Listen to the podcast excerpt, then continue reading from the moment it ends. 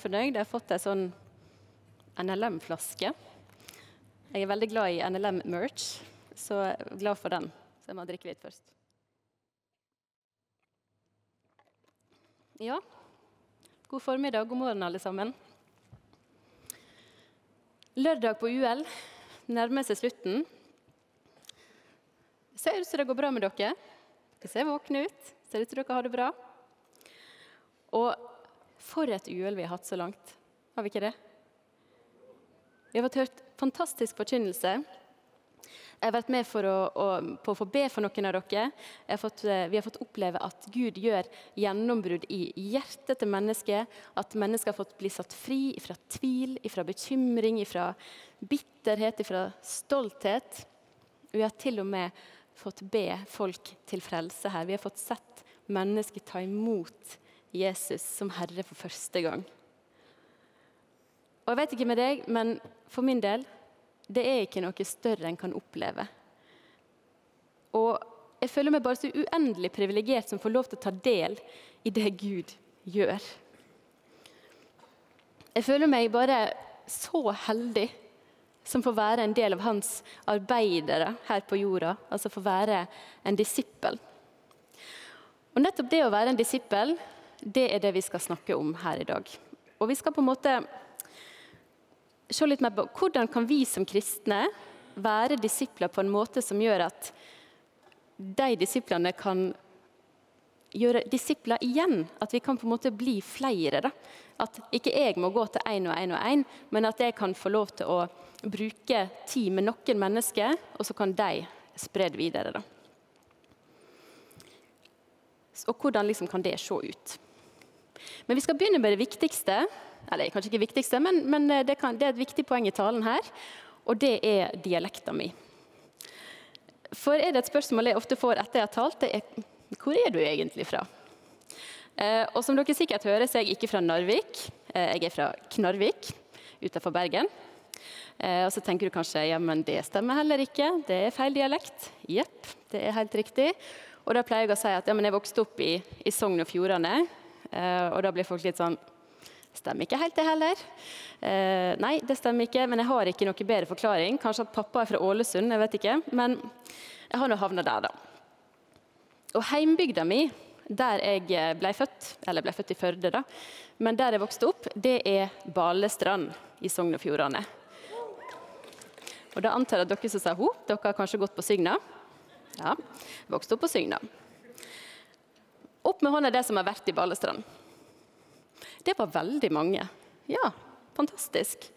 Eh, og jeg vil påstå at det er en av de vakreste bygdene i verden. Altså Der har du sånn blågrønn fjord, du har kjempefine fjell, kanskje med litt sånn snø på toppen. Og det er jo eplehage, og det er bringebær, og du har sånne fine hus med sånne dragutskjæringer, som i Kviknes hotell. da. Men det er ett problem med Balestrand. Eh, og det er at det ofte kan gå ras på veiene som fører til Balestrand. Dere som har gått på Sygne, har dere opplevd det? Ja. Og da er jo veien stengt. Stein og jord og snø dundrer ned, og så kan en ikke komme forbi. Så det er ikke helt utenkelig at hvis du som ikke har vært i Balestrand, da, skulle reise til Balestrand, så kan det faktisk hende at du ikke hadde kommet fram fordi at det var et ras i veien der. Og hvis du hadde kjørt, da, og så har du møtt det her raset og ikke kommet fram, kan du da si at du kjenner Balestrand? Nei, du kan ikke det.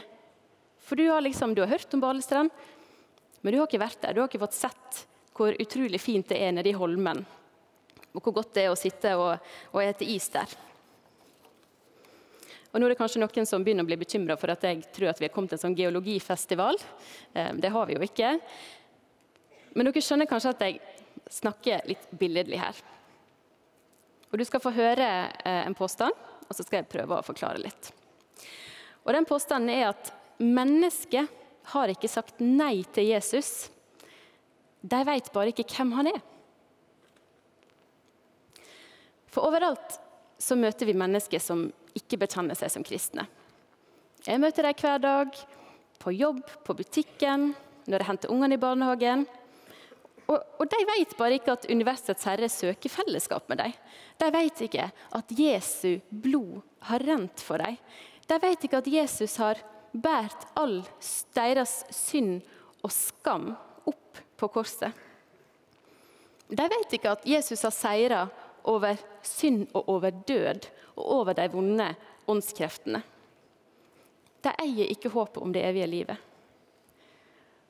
Og Når jeg tenker på det her, så, så blir det, jeg blir fortvila. Og det gjør meg så vondt. For jeg kjenner jo Jesus. Og jeg veit hvor masse godt han har gjort i livet mitt. Jeg får kjent kjærligheten og omsorgen hans og hans hjelp helt konkret i livet mitt. Jeg har fått sett Gud gjøre helt konkrete under i livet mitt. Og jeg vet at jeg er vaska rein i Jesu blod, så skittent som det en høres ut som. og at jeg ikke engang trenger å være redd for å dø, fordi at når jeg dør, da skal jeg hjem. Tenk det. Det er det å være en kristen. Men det som jeg kjenner på da er at når jeg vet alt det her, så kjenner jeg på et ansvar for at de som ikke vet det her, må få vite det. At de skal få lov til å ta muligheten til å ta del i det samme.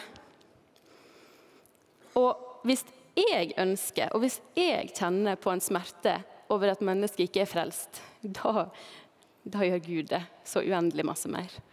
For han elsker mennesket så masse høyere enn vi noen gang kan få til. Og han, det er han som vil at alle mennesker skal bli frelst og lære sannheten å kjenne.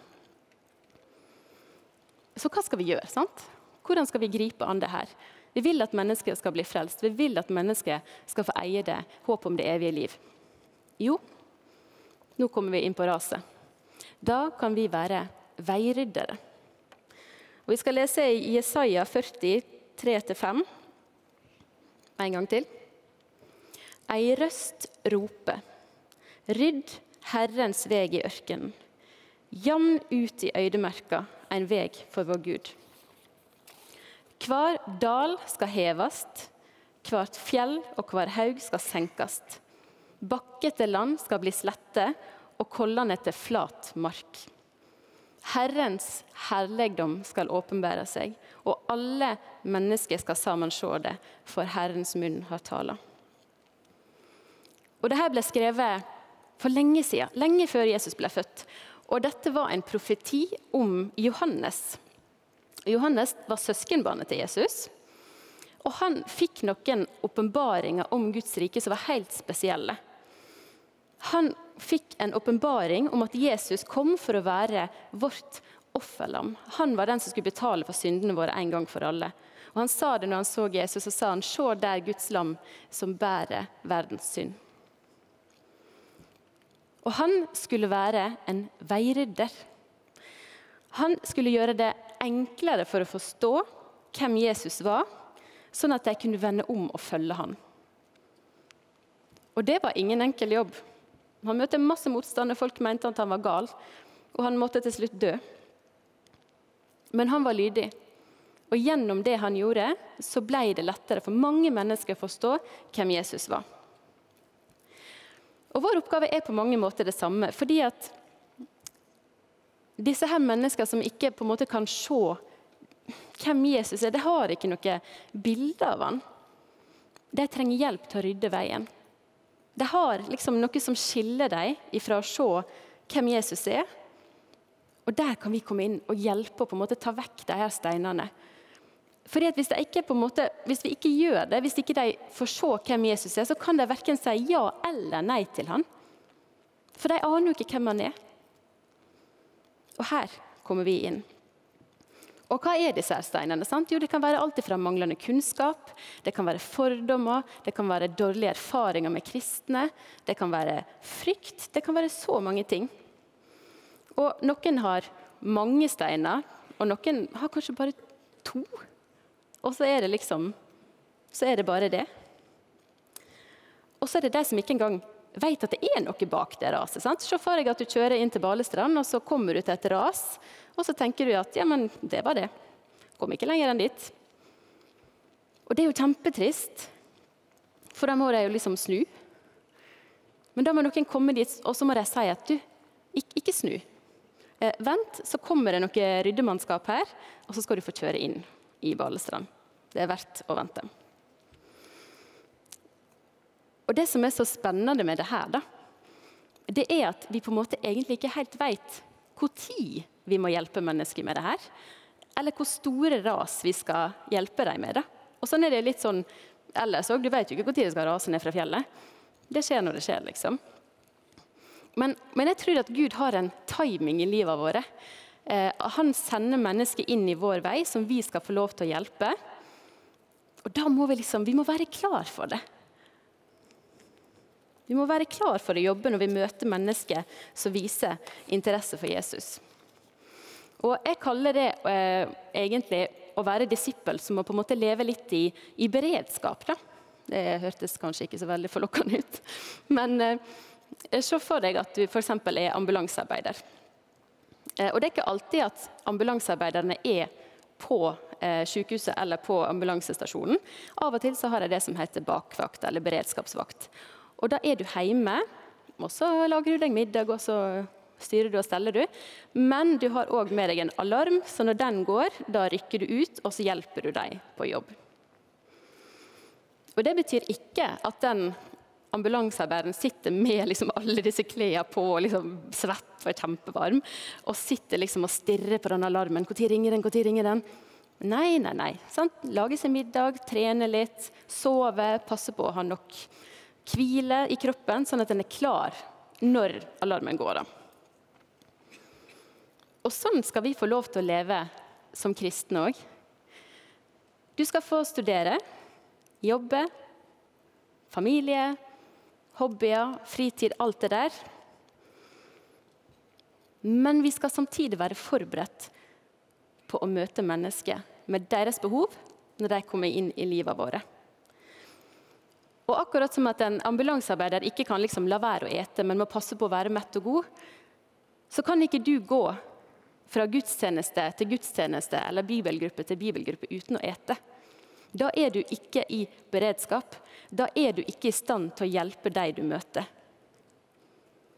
Hvis jeg er sulten og sliten og trøtt, da klarer ikke jeg å hjelpe ungene mine når de er sulten og sliten og trøtt.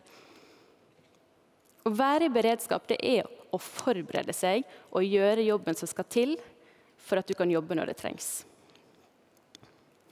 Og så må vi passe på at veien vår ikke blir fylt med steiner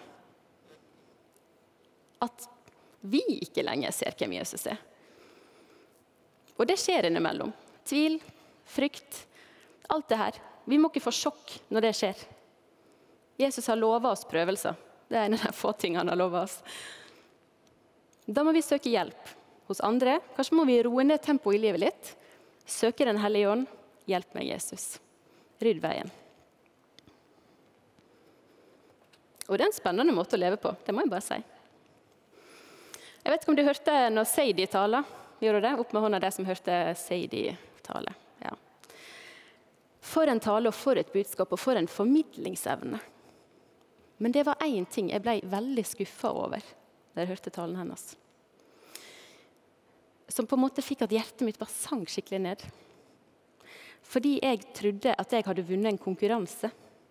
Men så sa hun noe som gjorde at jeg innså at det hadde jeg ikke. For jeg trodde at jeg hadde vunnet konkurransen om å ha lengst reisevei til UL. Det tok meg 27 timer å komme fra Narvik og hit.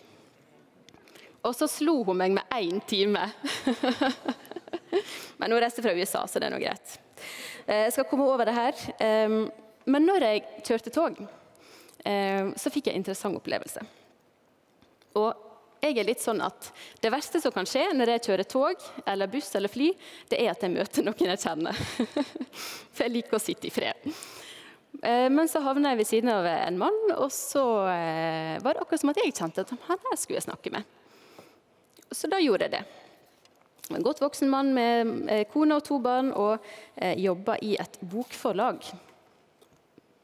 Kjempespennende mann. Stor, stor jobb. Bra jobb. Og så spurte han ja, hva skal du da? Nei, jeg skal på en kristen ungdomsfestival, sa jeg. Å oh, ja, det var spennende, for han var ateist. Og så sa jeg OK, spennende. Og så snakka vi videre.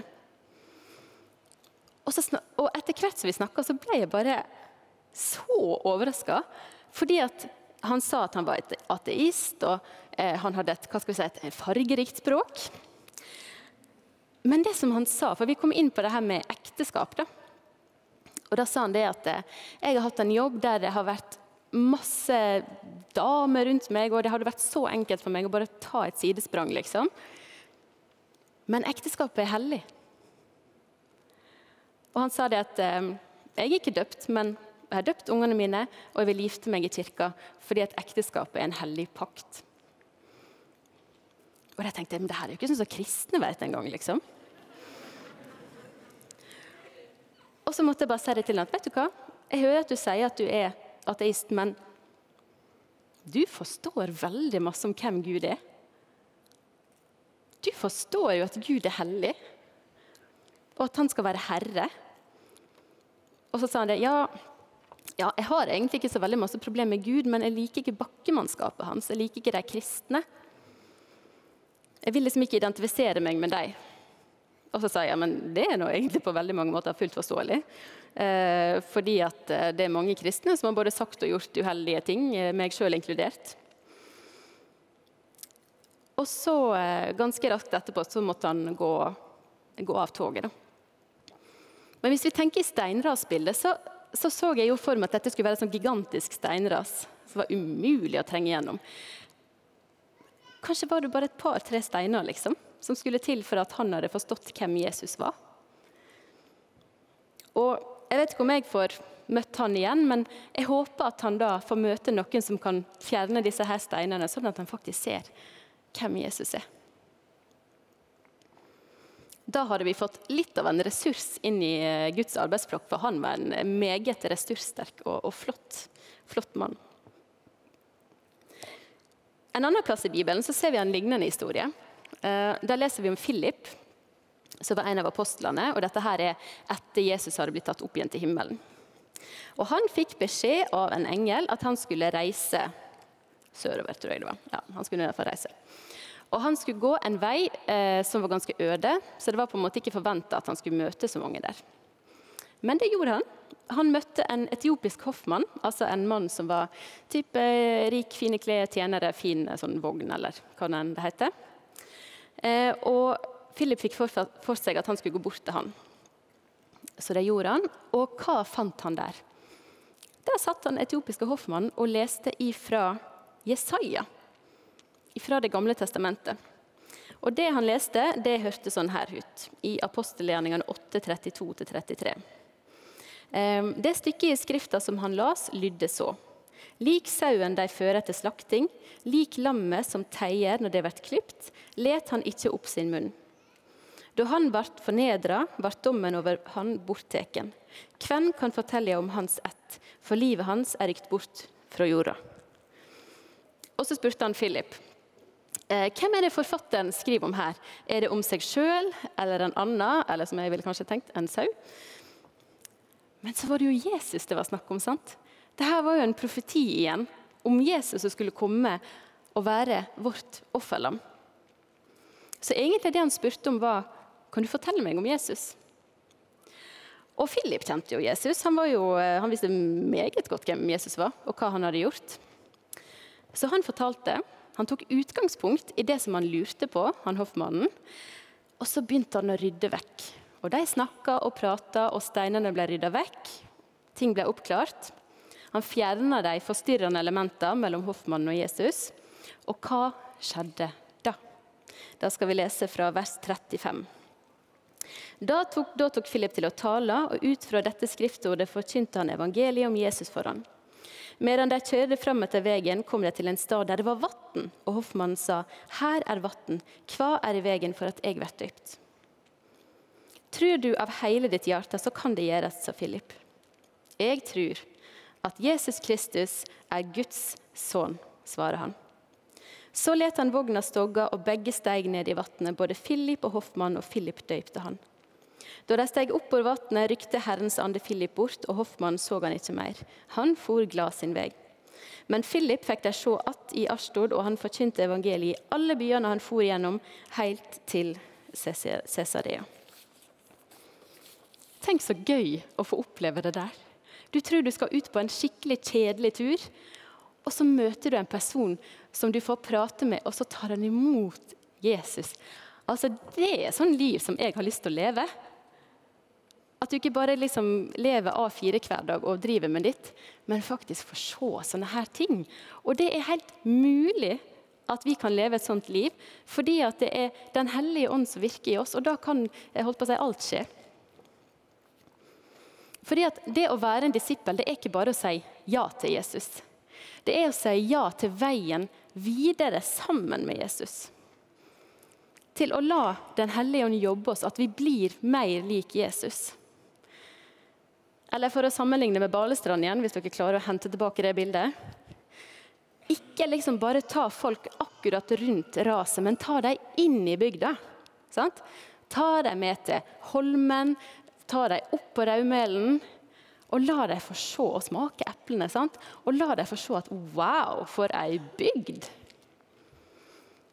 Fordi da kan det hende, hva, hva, er det som kan skje da med de folka som blir tatt med inn i Balestrand? Da kan det hende at de tenker det her må jo flere se. De må ikke stoppe der ved raset og liksom kjøre tilbake til Høyanger. Det måtte aldri skje. Jeg kunne sagt Leikanger, men jeg måtte ta et valg. Og Sånn er det med disippelgjøring òg. Vi må ikke bare få folk til å se liksom, ja, der er han, der er Jesus. Men vi må ta oss tid til at de kan få bli kjent med Bibelen, få kjent med Ordet, og på en måte hvordan det virker i praksis i deres liv. Og Når Den hellige ånd tar bolig i oss, da, da, vil vi si det videre. fordi at I Matteus 12, 34, der står det at det hjertet er fylt av, det sier munnen. Så er hjertet ditt fylt med Jesus, er det fylt av Guds ord, er det fylt av Guds ånd, da er det fort det du vil snakke om. Og Jesus sier det enda mer tydelig i Matteus 3,8 at vi skal bære frukt som viser at vi er omvendt. Bær da frukt som viser at de er omvendte. Lev et liv som viser at Jesus er herre i livet ditt.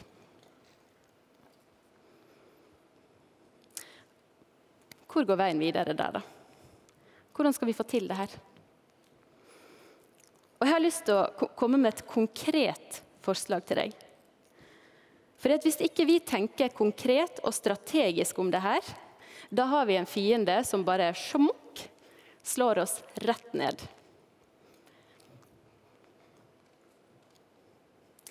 Jesus valgte seg ut tolv personer og fulgte dem tett opp for å sende dem ut igjen.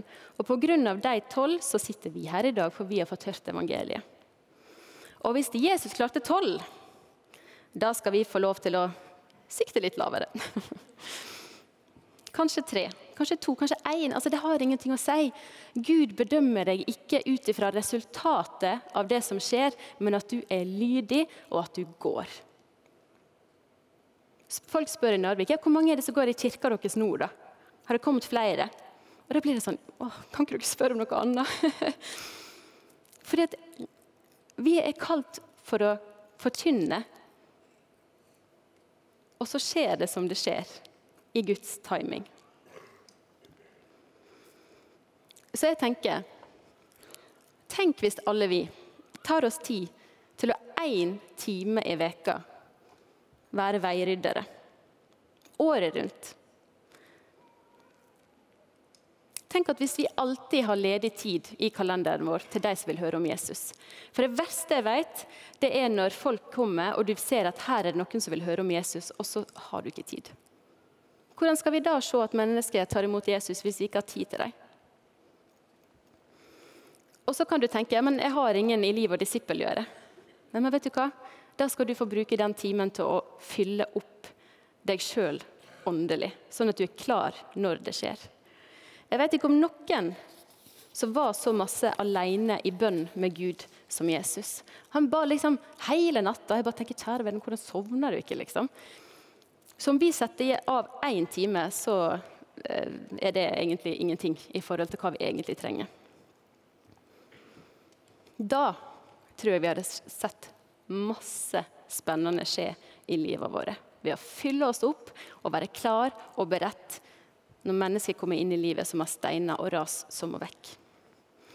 Så uansett hvor du er i livet, om du er student, om du er altså, Uansett, vær klar. Vær beredt og vær i beredskap for de mennesker som Gud skal sende inn i livet ditt. Pass på at det er bensin på gravemaskinen. Klærne dine ligger klare, og du er mett og du er ikke tørst. Og Gjør du det, da skal du få være med på det største et menneske kan oppleve. Og det er å se mennesket ta imot Jesus som sin Herre og Frelser.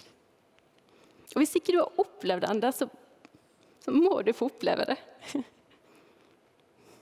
Det er så stort og det er så fantastisk, og vi er så heldige som får være med på det. Og Da skal du få se mennesker, du skal få se venner, familie, naboer eller helt ukjente gå over fra døden til livet. Og Det skal du få gjøre med stor frimodighet, fordi at Jesus sier til slutt at 'Jeg har fått all makt i himmelen og på jorda'. Gå derfor og gjør alle folkeslag til læresveiner. Døyp deg i navnet åt Faderen og Sønnen og Den hellige ande, og lær deg å holde alt det som jeg har båret dykk. Og se, jeg er med dykk alle dager, så lenge verden står.